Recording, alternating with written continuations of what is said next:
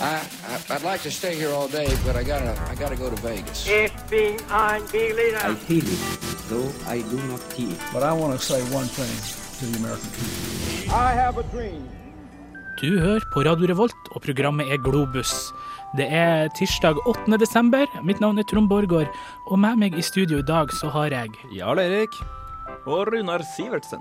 Og de skal være med meg eh, gjennom denne sendinga av Globus, hvor vi skal høre diverse gode saker ifra året som gikk. Dette er ei Best of-sending, nå siden det er juletid og sånt. Eh, vi starter aller først med litt musikk. Dance Africa. Det var Ison and File med 'I kveld er vi kungar', og før det så var det Dance Africa med Moses Tava Mole, Moleleveka. Vanskelig tittel. Veldig vanskelig tittel. Du hører fremdeles på Globus, studentradioen i Trondheim, Radio Revolt, sitt utenriksprogram. Hvordan har dere det i dag? Absolutt. Godt. Begynner å nærme seg jul. Åpna ny kalenderluke i dag, og nok en gang så var det en sånn østerriksk, tysk, sveits, litt gammel sjokolade, men den smelter like godt på tunga den dag i dag som den gjorde for mange, mange år siden. Ja, ny dag, ny nellik ut av appelsin. Ja. Det er ikke så veldig lenge igjen før det er, begynner å nærme seg storjul, og da kommer vel maten òg med og sånt. Globus er jo et utenriksprogram, og vi prøver jo å ha litt utenlandsturer òg, selv om det er litt vanskelig siden man er nå student og sånt. Men eh, i vår så hadde Globus en ekspedisjon til Latvia, og nå skal vi Ja, og det var jo faktisk første gangen på tolv år at Globus dro utenlands. Så det er liksom nettopp I hvert fall på et halvt år, for vi var i Sverige en tur før det. Ja, OK, hvis vi regner med Sverige, våre grenner Jo, det er jo det at vi har liksom hatt et reisefokus, og neste år, eller over jul blir det jo vel, på januaren igjen, så skal vi jo komme med en spalte som heter Ukas reisetips. Mhm. Og der går det jo an å komme med tips fra dere, kjære lyttere. Ja da. Så det er bare å følge med Globus over eh, nyttår. Da kommer vi sterkere tilbake med enda mer nytt innhold. Vi drar til nye land og sånt. Men her skal vi få høre når eh, Vegard eh, Johannessen Tryggeseid snakka om når eh, Globus var i Latvia.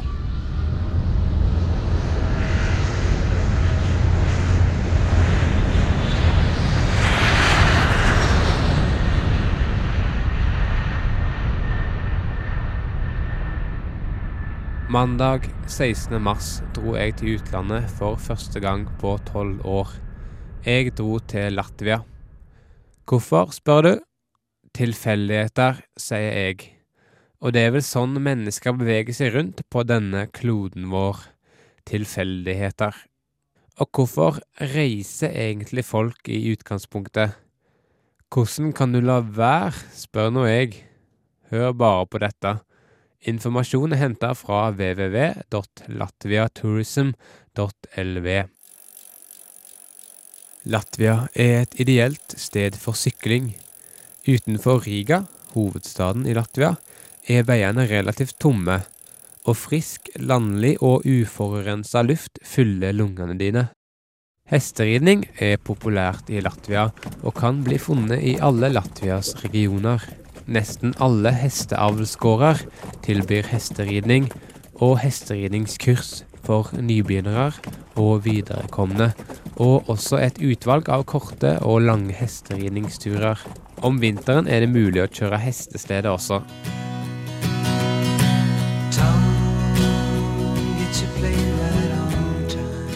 Fy faen. Det jeg gjorde nå, var å bagatellisere reising. Typisk bagatellisering.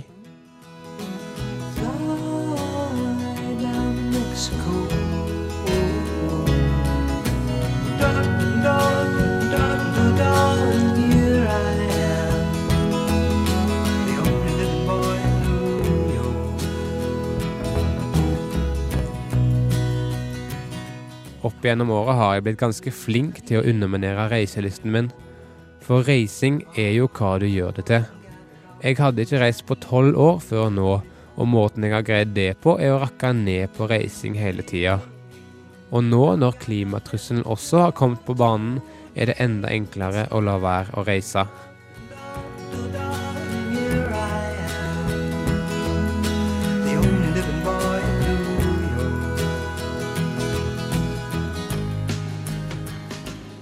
Kanskje jeg lever i selvfornektelse. Kanskje jeg går glipp av en stor mengde mirakler ved å ikke dra til utlandet. Men på den andre sida så var jo ikke Latvia-turen en øyeåpner. Turen gjorde meg ikke reisefrelst. Og selv om Latvia kanskje ikke er det mest interessante reisemålet, så kan det jo hende at det ikke er meninga at jeg skal reise noe sted i livet mitt.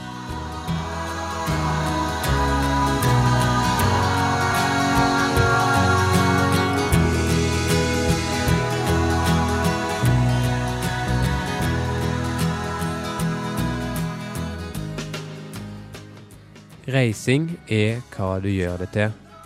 Men slik er det med livet også. Livet er hva du gjør det til.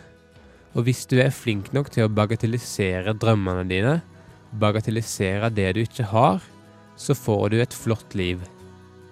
New York, Paris, Tokyo. Fy faen for noe drittbyer. Og dessuten har jeg jo TV.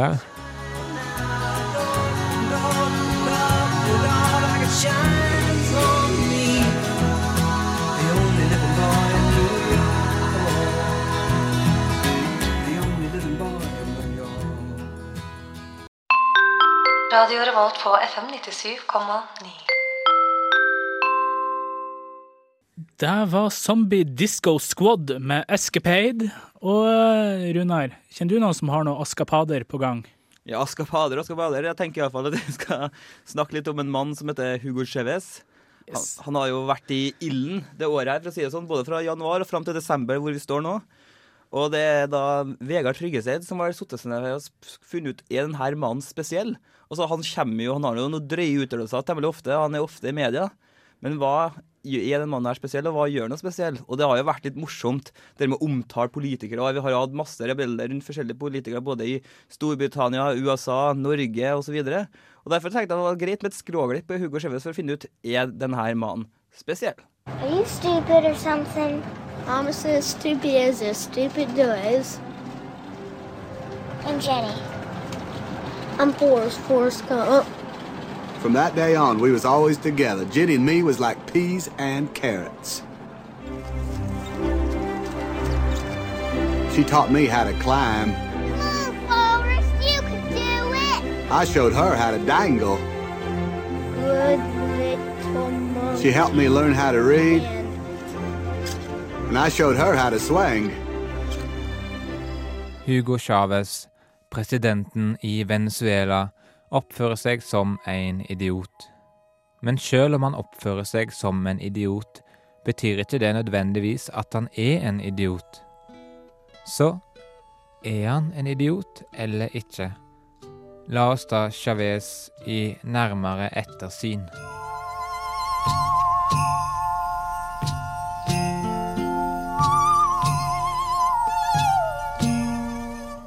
I 2000 var han det første statsoverhodet som besøkte Saddam Hussein etter Golfkrigen. Og dette var jo veldig beundringsverdig. Alltid kult å få besøk. Etter at Katrine-orkanen herja New Orleans i 2005, var Venezuela det første landet som tilbød nødhjelp til den ødelagte regionen. Og det var jo veldig snilt av Chávez. Bush avslo for øvrig tilbudet. Chávez har i tillegg mange lite fintfølende uttalelser på rullebladet. Han har kalt Bush for djevelen, Perus president for en tyv og røver, og Israel har han kalt den nye Hitler.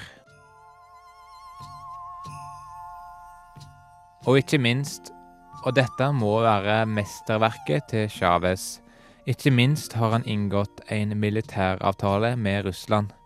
I 2006 signerte Putin og Chávez en avtale som åpna for import av russiske våpen til Venezuela. Sannsynligvis et megastort sjakktrekk. I tillegg er Chávez en nær venn av Castro. Ekte vennskap kanskje.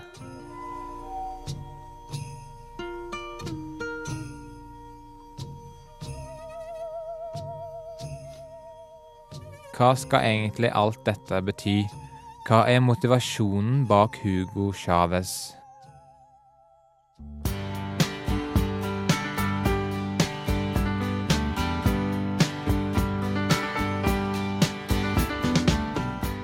En ting det går an å si om Chávez, er at det virker som om han ignorerer diplomatiet som andre stater fører, et diplomati som til tider er lammende og ubrukelig. Men kan man dermed si at Chávez representerer et brudd med det overfladiske politiske spillet? Dessverre så kan man nok ikke det. Chávez ignorerer diplomatiet bare for å ignorere det. Han ignorerer ikke diplomatiet fordi han har et budskap. Chávez har jo ingen overordna interesse av å f.eks. besøke Saddam Hussein eller å bli venn med Russland. Alt er symbolikk, populisme, egeninteresse og spill for galleriet. Chávez er en kynisk politiker. Han kommer bare i en litt annen form.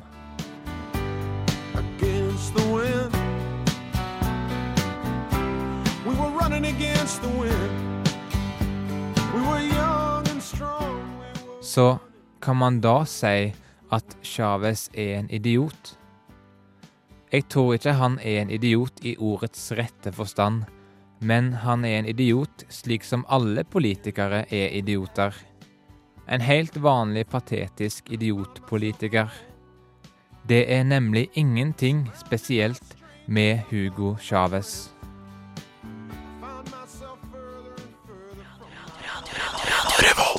Det var Dead Man's Bones med låta In The Room Where You Sleep. Hvor mange av dere fulgte med i eh, våres eh, på amerikanske presidentvalget? Fikk nå med meg et og annet i hvert fall. Og jeg rakk opp hånda. Sorry, det funker dårlig på radiomediet. Beklager. Jeg fulgte også godt med. Mm. Bra dere er skolevant, dere sitter her.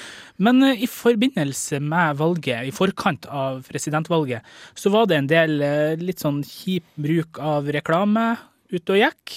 Ja, det var vel desperasjon i grunn fra begge leirer. og man prøvde, Desperasjon og desperasjon taktikk er vel kanskje med roret, der man prøver å vinne over flest mulig borgere.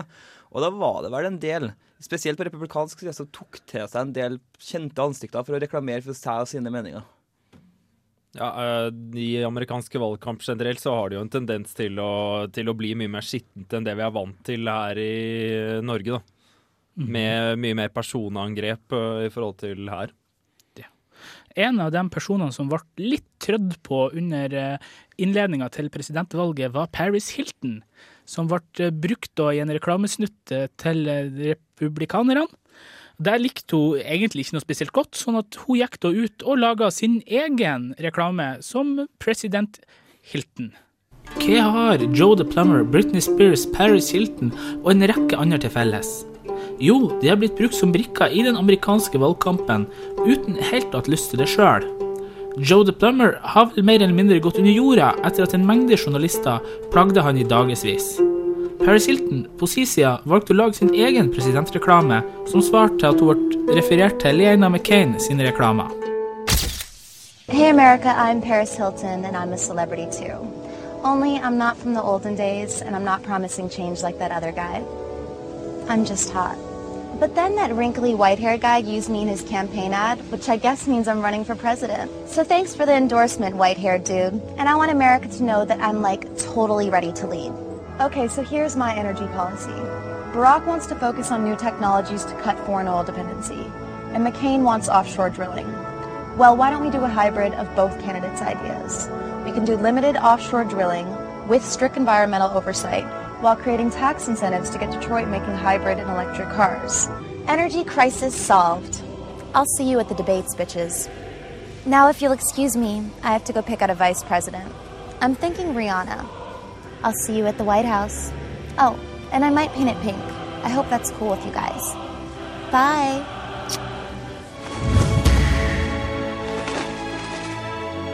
I'm Paris Hilton, and I approve this message because I think it's totally hot.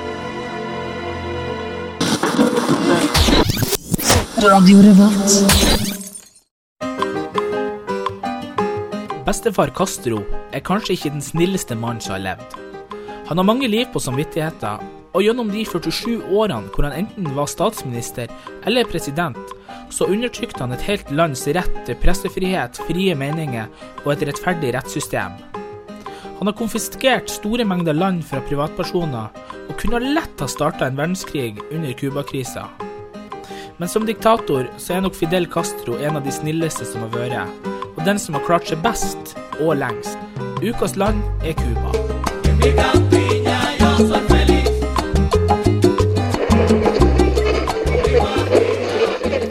Christopher Columbus var den første europeer som så Cuba. Dette skjedde 17.10. i 1492, med andre ord for nøyaktig 515 år siden. Han kalte landet for Isla Juena etter prins Juan av Spania. Landet ble kolonisert, og i de neste 388 årene var Cuba holdt under Spania. I denne tida ble Cubas originale befolkning så godt som utrydda. Disse menneskene var primitive jakt- og gårdbrukere, og som urbefolkning i resten av kontinentet hadde de ingen mulighet til å bekjempe europeernes makt og sykdommer.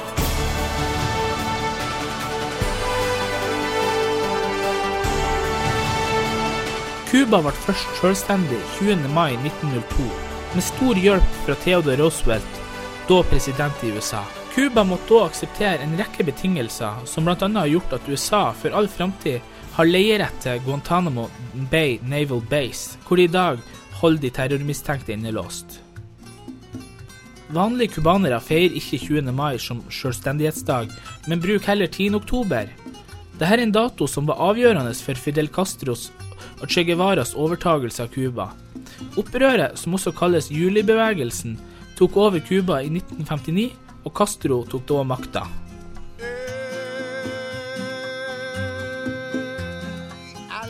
Over de 47 årene som har gått, har Castro gjort mange forferdelige ting. Men hans styring av Cuba har også brunget fram veldig mye bra. Gratis skolegang, god helse og omveltning i hvem som eier jordbruksarealene, har gjort at få sulter, sjøl om alle er fattige etter våre standarder.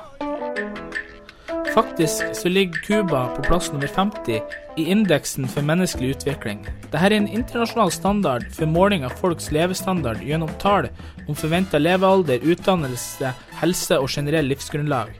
Dette gjør at som diktatur så er de unike i verden angående høy levestandard. Landet har en positiv stemning, hvor folk hjelper hverandre, og mange er fornøyd med Castros livslange arbeid. Internett er regulert i Cuba, og ingen privatpersoner har lov til å bruke det, men for turister så er ikke dette noe problem. Og dette er ganske typisk for landet. Turister møter sjelden eller aldri bakdelene med landet, men opplever det som eksotisk og rikt på opplevelser. Sigarer, cubansk musikk, overfylte biler, traktorer og busser hvor man lett kan få haik. Og så klart biler fra 50- og 60-tallet som pga. importproblematikk holdes i orden og skrangler rundt en dag i dag. Elementer som gjør at Cuba er helt spesiell. Fidel Castro er ikke lenger formelt med makta, men den dagen han dør, så er det veldig uvisst hva som skjer. Det kan hende at makta bare går videre, at Cuba fortsetter sånn som det gjør i dag. Eller kanskje landet over kort eller lang tid vil forandre seg mye. For med samme leder i nesten et halvt århundre har dette gjort at Cuba på godt og ondt er helt unikt i verden. Så ønsker du å se dette landet sånn som det er nå, så bør du kanskje ikke vente for lenge. Det var Inner Banks med Lemon Tree. Du hører fremdeles på Radio Revolt, studentradioen i Trondheim, og programmet Globus, som da er Trondheims desidert beste utenriksprogram. Er dere ikke enige? Kan jo ikke nekte på det. Nasjons, kanskje. Ja. Mulig. Mulig. Hvis man tar bort NRK. Så. Men de har masse penger, ikke sant. Det, hadde vi hatt masse penger, hadde vi vært mye bedre enn dem. Instantly. Dere ble veldig stille, er dere ikke enige? Jo, helt enig. Jeg bare lamma av. det er så modig at de tør å si det på FM-målene. Mm. Plutselig kommer kringkastingen og kaster seg over oss. yes. Det er desember, da, så vi antar at de tilgir oss for det. En av de tingene som har blitt tatt opp nå i uh, høst, er pupper. Det er kanskje litt uh, rart å tro når du hører at det er et utenriksprogram, men Martine hadde ei sak om pupper litt tidligere i høst, så vi kan like godt bare høre hva hun hadde å si om dem. Mange tror kanskje at dette med plastisk kirurgi er et moderne fenomen, noe som plutselig skjøt fart på 80-90-tallet. Men der tar dere skammelig feil. I India har man brukt kosmetisk kirurgi i mer enn 4000 år. Også romerne og egypterne utviklet enkle teknikker for å f.eks. transplantere hud. Allikevel har man ikke begynt å bruke denne typen kirurgi for å forbedre eget utseende før i vårt århundre. Det er ikke ukjent at kvinner verden over bruker kirurgi som en ungdomskilde, og det blir bare mer og mer populært. I 2007 valgte 11,7 millioner amerikanere å gå under kniven. 2 av disse var mellom 13 og 19 år. De vanligste prosedyrene blant tenåringer er neseoperasjoner, brystforstørrelser og fettsuging. I 2000 valgte mer enn 15 000 tenåringer å forandre nesene sine. Og selv om jenter står for 90 av alle plastiske operasjoner, er ikke gutter helt fredet for fenomenet. Rundt 2200 unge menn forandret på brystene sine i 2000. Antall unge under 18 år som undergår plastisk kirurgi, har steget fra 60 000 i 1997 til rundt 225 000 i 2005. Og du kan gjette hvor det er vanligst. Jo da, i USA er det slettes ikke rart å gi bort en brystforstørrelse eller en neseoperasjon i gave til barna sine når de oppnår noe så stort som å komme inn på en god skole, eller rett og slett når de konfirmerer seg. 13 år gamle Emily for eksempel, ble mobbet på skolen fordi hun hadde stor nese. Plutselig besluttet foreldrene hennes at de syntes det var så fælt at Emily faktisk fortjente å få nesen sin forandret over sommeren. Men det er faktisk ikke bare i USA at jenter får kosmetisk forandrende gaver. I Brasil, som av mange leger omtales som den nye plastiske hovedstaden, er retting på kroppen ved hjelp av skalpell vanlig. Spesielt blant særs unge missekonkurransedeltakere. Juliana Borges, som tidligere har vært Miss Brazil, hadde allerede som 20-åring vært under kniven fire ganger, så vel som å utføre 19 mindre prosedyrer på seg selv. Også i de rikeste landene i Asia er plastiske operasjoner på barn og unge i voksende grad populært. Da den 18 år gamle jenta Anne Wang kom inn på universitetet, viste foreldrene hennes sin glede ved å gi datteren en øyelokkoperasjon. 18-åringen ville se mer vestlig ut, og foreldrene støttet henne. Kirurgen som påtok seg ansvaret, har fortalt Yangsti Evening News at flere og flere jenter kommer til han med samme ønske. Det er tydelig at kosmetisk kirurgi er kommet for å bli, men hvor går egentlig grensen? Jeg vet i hvert fall at jeg aldri kommer til mine barn pupper i konfirmasjonsgave. Hvis jeg er fornøyd med bunadsølv, så får de være fornøyd med bunadsølv.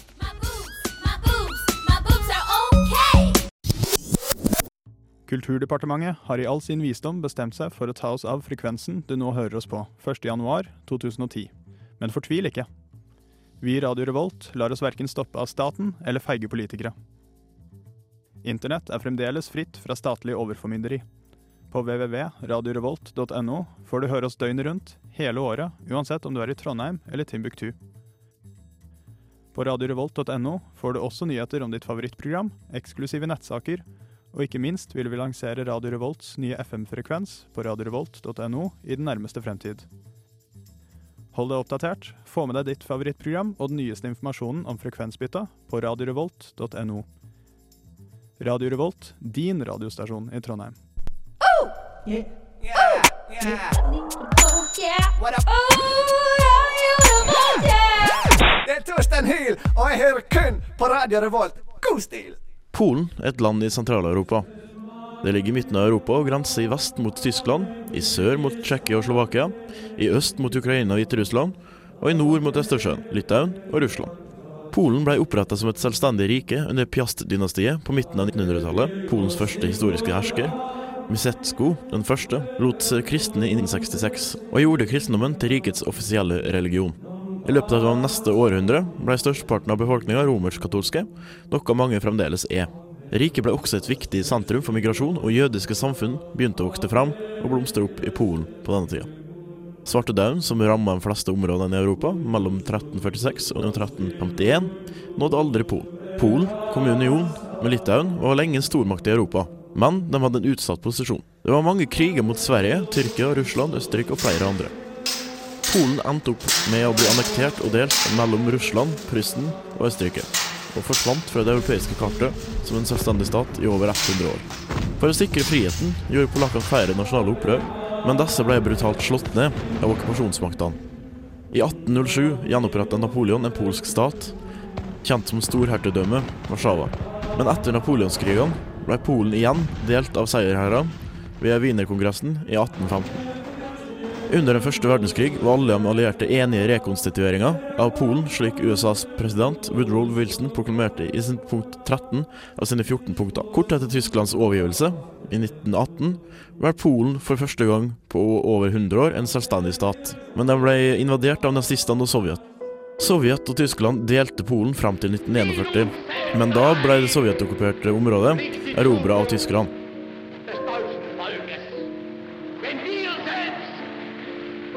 Hitlers regime var spesielt hardt mot den polske sivilbefolkninga, og av alle land som var med i andre verdenskrig, mista Polen den høyeste prosentandel av sin befolkning. Den tyske okkupasjonen krevde livet til seks millioner polakker. Halvparten av dem var polske jøder. I tillegg kom enorme materielle ødeleggelser, der bl.a. Warszawa ble jevna med jorda. Etter krigen mot Polen, som følge av sovjetisk-britisk-amerikanske avtaler, avsto store områder i øst til Sovjetunionen, mens landets grenser ble forskjøvet vestover.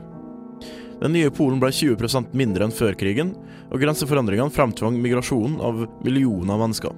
Polakker, tyskere, ukrainere og jøder. En polsk minoritet finnes fremdeles i nabolandene Ukraina, Hviterussland og Litauen. Etter krigen ble Polen i praksis styrt av Sovjetunionen. Sovjetunionen gjorde landet om til et kommunistdiktatur i 1948.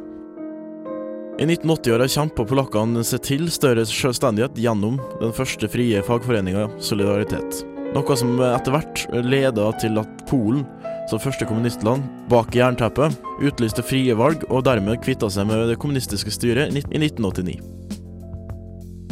Polen sluttet seg til Nato i 1999, og i 2004 ble de en del av EU. I de siste åra har Polen blitt styrt av tvillingene Lech og Jaroslav Kaczynski, men for et par uker siden ble Donald Trøsk ny statsminister. Tusks parti, Borgerplattformen, vant en knusende seier over Lov- og rettferdighetspartiet til Kaczynski-tvillingene i det politiske nasjonalforsamlingsvalget 21.10. Det førte til at presidentens tvillingbror, Jaroslav, måtte overlate statsministerposten til Tusk. Og dette skyldes i stor grad at Polen har gunstig geografisk plassering, en indre sosialøkonomisk stabilitet og EU-medlemskapet. Samla utgjorde utenlandske investeringer i årene 1999 til 2006 over 87 milliarder dollar. Bare i 2006 utgjorde de over 10 milliarder dollar. Polens største handelspartnere er Tyskland, Italia, Russland, Frankrike og Kina. Det offentlige skolevesenet i Polen er gratis og omfatter barnehage, grunnskole, ungdomsskole, videregående skole, teknisk skole, yrkesskole, artistisk skole og andre eh, forskjellige skoler. Systemet oppfatter ikke høyere utdanning som utgjør en egen stilling i administrasjonssektor, og har en egen grunnlovsgarantert selvstendighet. Grunnloven gir alle retten til utdanning. I 2005 besøkte 15,1 millioner turister i landet. Polen er en interessant destinasjon for alle som ønsker å besøke gamle byer, oppleve rik kultur og tradisjoner, eller kanskje beundre maleriske landskap. Hovedattraksjonen i Polen er badestrendene langs Østersjøkysten, feriestedene i Karpatian og Sudetene, samt landets utallige historiske og kulturhistorisk viktige steder.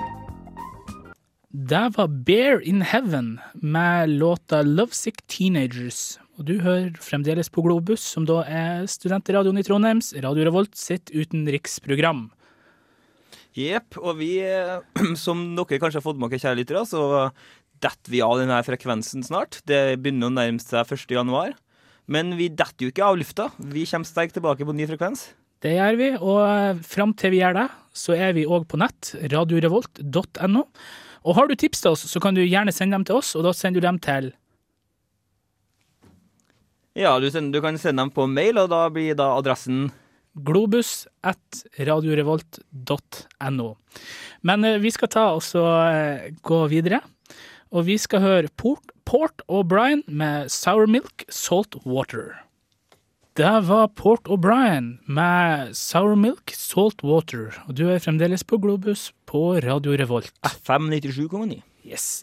I dag er det 8. desember, og det er jo en viktig dag, sånn historisk sett. Ja, går vi tilbake til andre verdenskrig, så var jo 8. desember den dagen USA erklærte krig mot Japan som følge av angrepet på Pearl Harbor. Pearl Harbor er da også for dere uhistoriske der ute mer enn en dårlig filmstikk på kino for noen år siden. Mm. Hvis man går litt, eh, litt lenger tilbake i tida, da, så ble den første grammofoninnspillinga foretatt i Norge, faktisk. Og det var Adolf eh, Austby og Karl Mathiassen som spilte inn ball i Hallingdal. Ja, det er mer på den triste sida, så 1980, 8. desember, er vel en dato som sitter friskt i minne til de fleste Beatles-fan der ute. Den engelske musikeren John Lennon ble jo skutt og drept utenfor sitt hjem i New York den 8. desember. Ja. 1832. Bjørnstjerne Bjørnson, eh, kjente norske forfatteren, han var da født. Så jeg har enda en, for så vidt. Det er I 1987 så ble INF-avtalen underskrevet av USA og Sovjetunionen, som da var en veldig viktig avtale. Ja, og så er det jo datoen for Lysfestivalen i Frankrike, eller nærmere bestemt Lyon. Det er vel der det stort sett er som er hovedpunktet. Eh, og eh, det går jo Der lyser de opp eh, kirkene, og det er til Jomfru Maria. Mm, Veldig, veldig, veldig koselig. Vi skal ta også gå videre nå. Vi skal høre eh, artisten Thousand and One med Underground. Men eh, først så har vi jo en ting som er ganske viktig, da, som vi som et eh, program som er veldig opptatt av utenriks, da, at det er veldig viktig for oss å ta opp først, og det er hva som skjer med EU. Ja, nemlig, eh, for i dag er det en, en, en stor dag i EU, tror jeg. Mhm. Jeg tror det er mange som puster letta ut, for eh, den eh, tsjekkiske presidenten har, rett før vi gikk på sending, har han eh, signert eh, denne Lisboa-traktaten, som er en sånn eh, EU-grunnlov. Ja, um, det har jo vært veldig mye sånn fram og tilbake med den Lisboa-traktaten. Først var det Irland som først sa at de ikke ville ha den, og så var det Tsjekkia som var veldig skeptiske.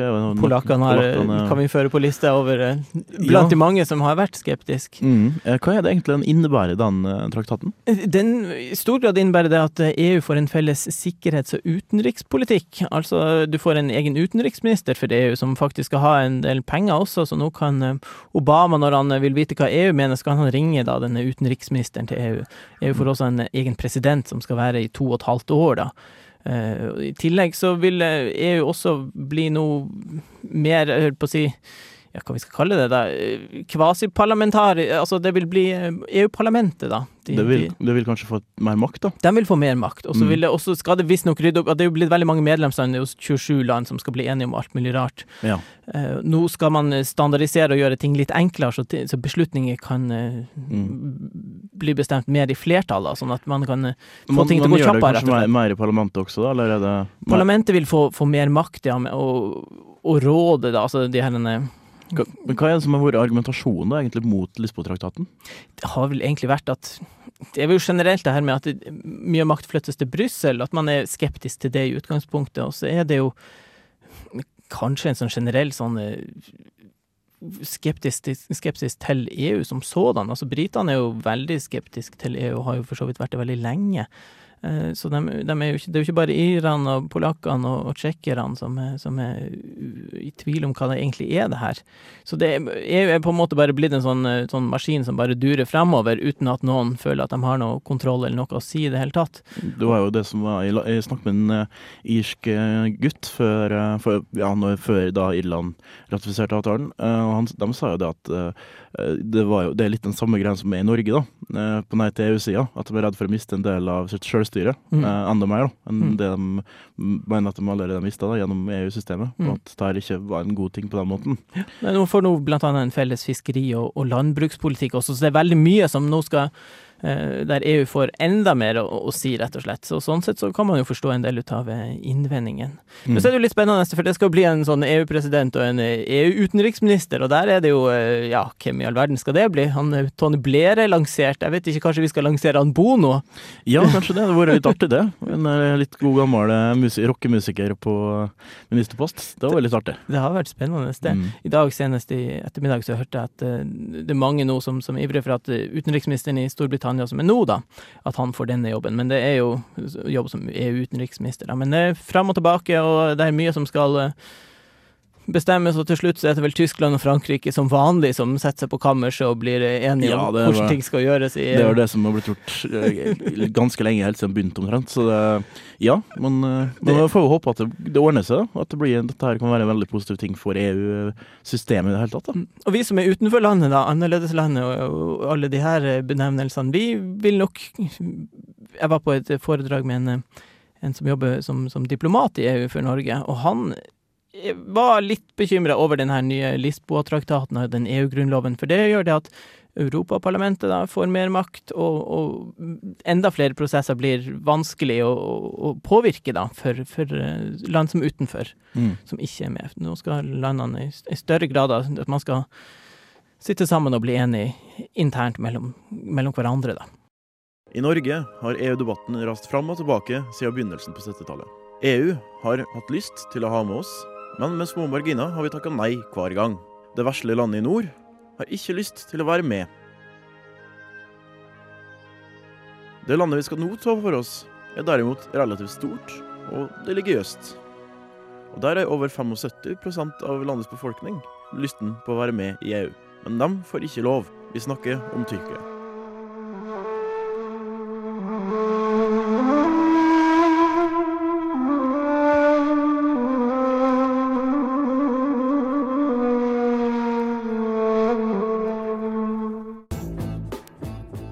Tyrkia er et land med gamle historiske røtter knyttet til Europa. Siden Øst-Romerrikets fall har Tyrkia, eller Det ottomanske riket som det på den tida heter, hatt innflytelse på den sørlige delen av Europa. Det er et stort land, der den østlige er mer muslimsk, mens den vestlige er veldig europeisk. Staten er sekulær, det er verdens 20. største økonomi, og har i alle år vært bindeleddet mellom øst og vest. Så hvorfor vil ikke da EU ha med Tyrkia? I europeisk målestokk er landet svært udemokratisk. Det har nesten vært en tradisjon for militærkupp i Tyrkia, og det har skjedd mange ganger. Sist gang det var valg i Tyrkia, i 2007, kjempa regjeringspartiet, Rettferdighetspartiet, med nebb og klør for å presse inn en av ministrene sine som president. Det endte med at militæret gikk inn og tvingte regjeringen til å gi opp et ikke-voldelig militærkupp. I Tyrkia er det fremdeles problemer med menneskerettigheter. Politivold, kvinnevold og tvangsekteskap. Samtidig har det et veldig anstrengt forhold til sine naboland, også inkludert Hellas, som er EU-medlem. Okkupasjonen av de nordlige delene av Kypros er en vanskelig situasjon for EU. Og ikke minst er Tyrkia, til tross for å være sekulær, 99% muslimsk. Og om Tyrkia da skulle vært med, ville det ført til at Den europeiske unionen får 20% muslimer, i motsetning til de 3% de har i dag.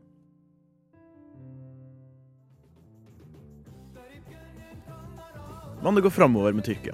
Etter at de ble godkjent som kandidat i 99, har landet lagt seg i seieren for å bli et bedre land.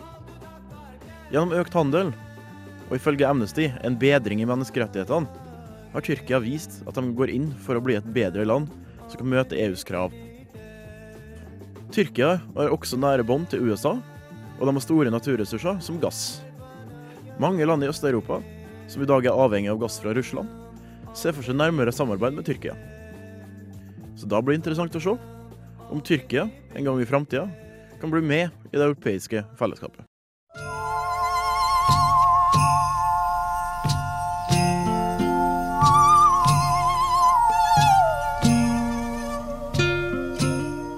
Mitt første EU-relaterte minne er en Nei til EU-button festa bak på ryggsekken til en fyr som gikk et par klassetrinn over meg på skolen. Jeg var seks-sju år gammel, så dette må ha vært etter avstemninga i 94. Gesten var på flere måter litt tåpelig. Ikke var han gammel nok til å forstå argumentene for eller mot EU, og det var heller ikke lenger særlig aktuelt. Jeg registrerte at det sto nei til EU på sekken hans, og gikk videre i livet. Opplevde bl.a. mobbing og usikkerhet, og mange typer frustrasjon, før jeg nå står her igjen og er med på en temasending om EU. Og den barnlige lykkegyldigheten gjentar seg. Betyr EU noe i det hele tatt? Le protocole confirme que les questions de concurrence relèvent de l'organisation du marché intérieur. C'est un point majeur. La concurrence, c'est un moyen, ce n'est pas une fin en soi. Dette er den franske presidenten Nicolas Sarkozy, som hadde EU-formannskapet i 2008. Her sier han veldig fine ting om EU. For de som ikke forstår fransk slik som meg, er det umulig å forstå hva han sier. Men gløden hans er ikke til å misforstå.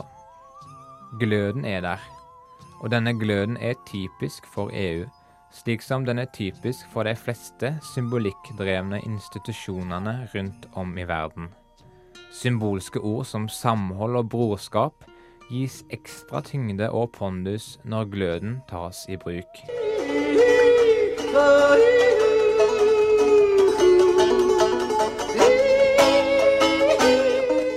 Men nå er jo ikke EU bare tom symbolikk. Det er også et enormt byråkratisk system, og det økonomiske samarbeidet er åpent og inkluderende. Det unaturlige med EU er ikke at det bare er symbolikk og ikke noe konkret innhold. Det unaturlige er at symbolikken og filosofien ikke passer sammen med hva som egentlig foregår. Ord som samhold og brorskap burde bytte plass med ord som egeninteresse og økonomisk velstandsøkning, og i det lengste også med ord som grådighet og egoisme. Hele EU er gjennomsyra av egeninteresse. Grunnen til at Norge ikke er med i unionen, er egeninteresse. Og hvis vi en gang hadde blitt medlem, så hadde nok grunnen også da vært egeninteresse.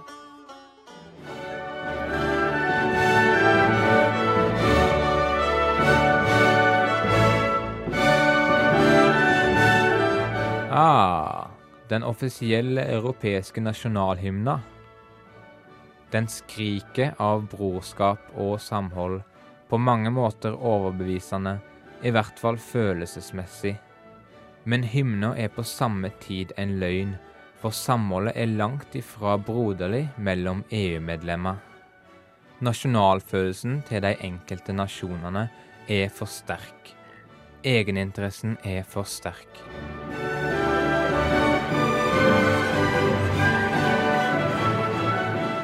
Men skulle det en gang i framtida komme noe konkret ut av brorskaps- og samholdssymbolikken til EU, så tror jeg ikke det hadde vært så ille. Snarere tvert imot. Jeg tror at nasjonalfølelse er noe av det mest skadelige i verden i dag. Hvis folks følelsesmessige tilhørighet hadde utvida seg utover de nasjonale grensene, så hadde nok det vært mer positivt enn negativt. Men noe sånt noe blir vel ikke aktuelt før langt inn i framtida, hvis det i det hele tatt er mulig. Kanskje det som må til, er barn med ja til EU-buttons på ryggsekken, eller enda bedre ja til verden-buttons.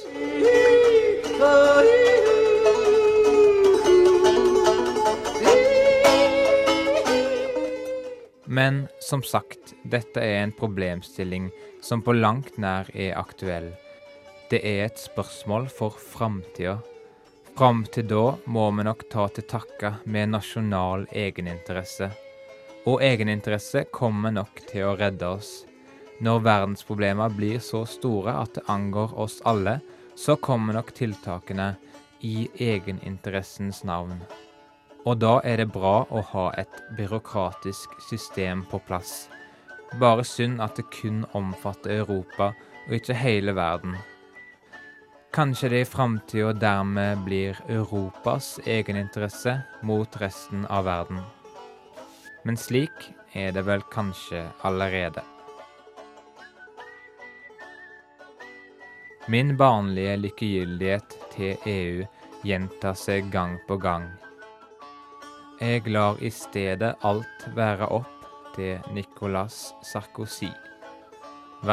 Le protocole confirme que les questions de concurrence relèvent de l'organisation du marché intérieur.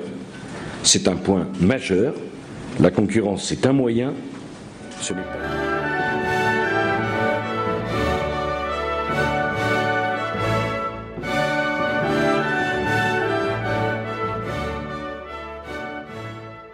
Det var Leik med Don't Give Up. Vi går rett videre, og nå skal du få høre en skikkelig god gammeldags juleklassiker. Ella Fitzgerald med Slade Ride. Det var Arms On Fire med North, The North Sea. Og Runar har nå forlatt eh, studio, men fremdeles med meg så har jeg Ja, Erik. Og vi begynner å nærme oss veldig slutten på dagens eh, Globus-sending. Der har vært en julespesial. Eh, med de beste sakene da ifra året som gikk. Vi vil komme sterkere tilbake ifra januar av med helt nytt materiale. Og vi Ganske mange nye folk òg. og med nye folk og greier, og vi håper på å få på plass podkast og litt sånn, så har du gode ideer til oss, så kan du ta og sende dem inn til globus at radiorevolt.no. Vi begynner å nærme oss slutten, som sagt. Eh, Mitt navn er Trond Borgård. Med meg i studio har jeg hatt Jarl Erik Mathisen. og Runar. Så vi skal ta og høre en gammel klassiker helt på slutten nå. Vi skal høre The Flower Kings med Ghost of the Red Cloud.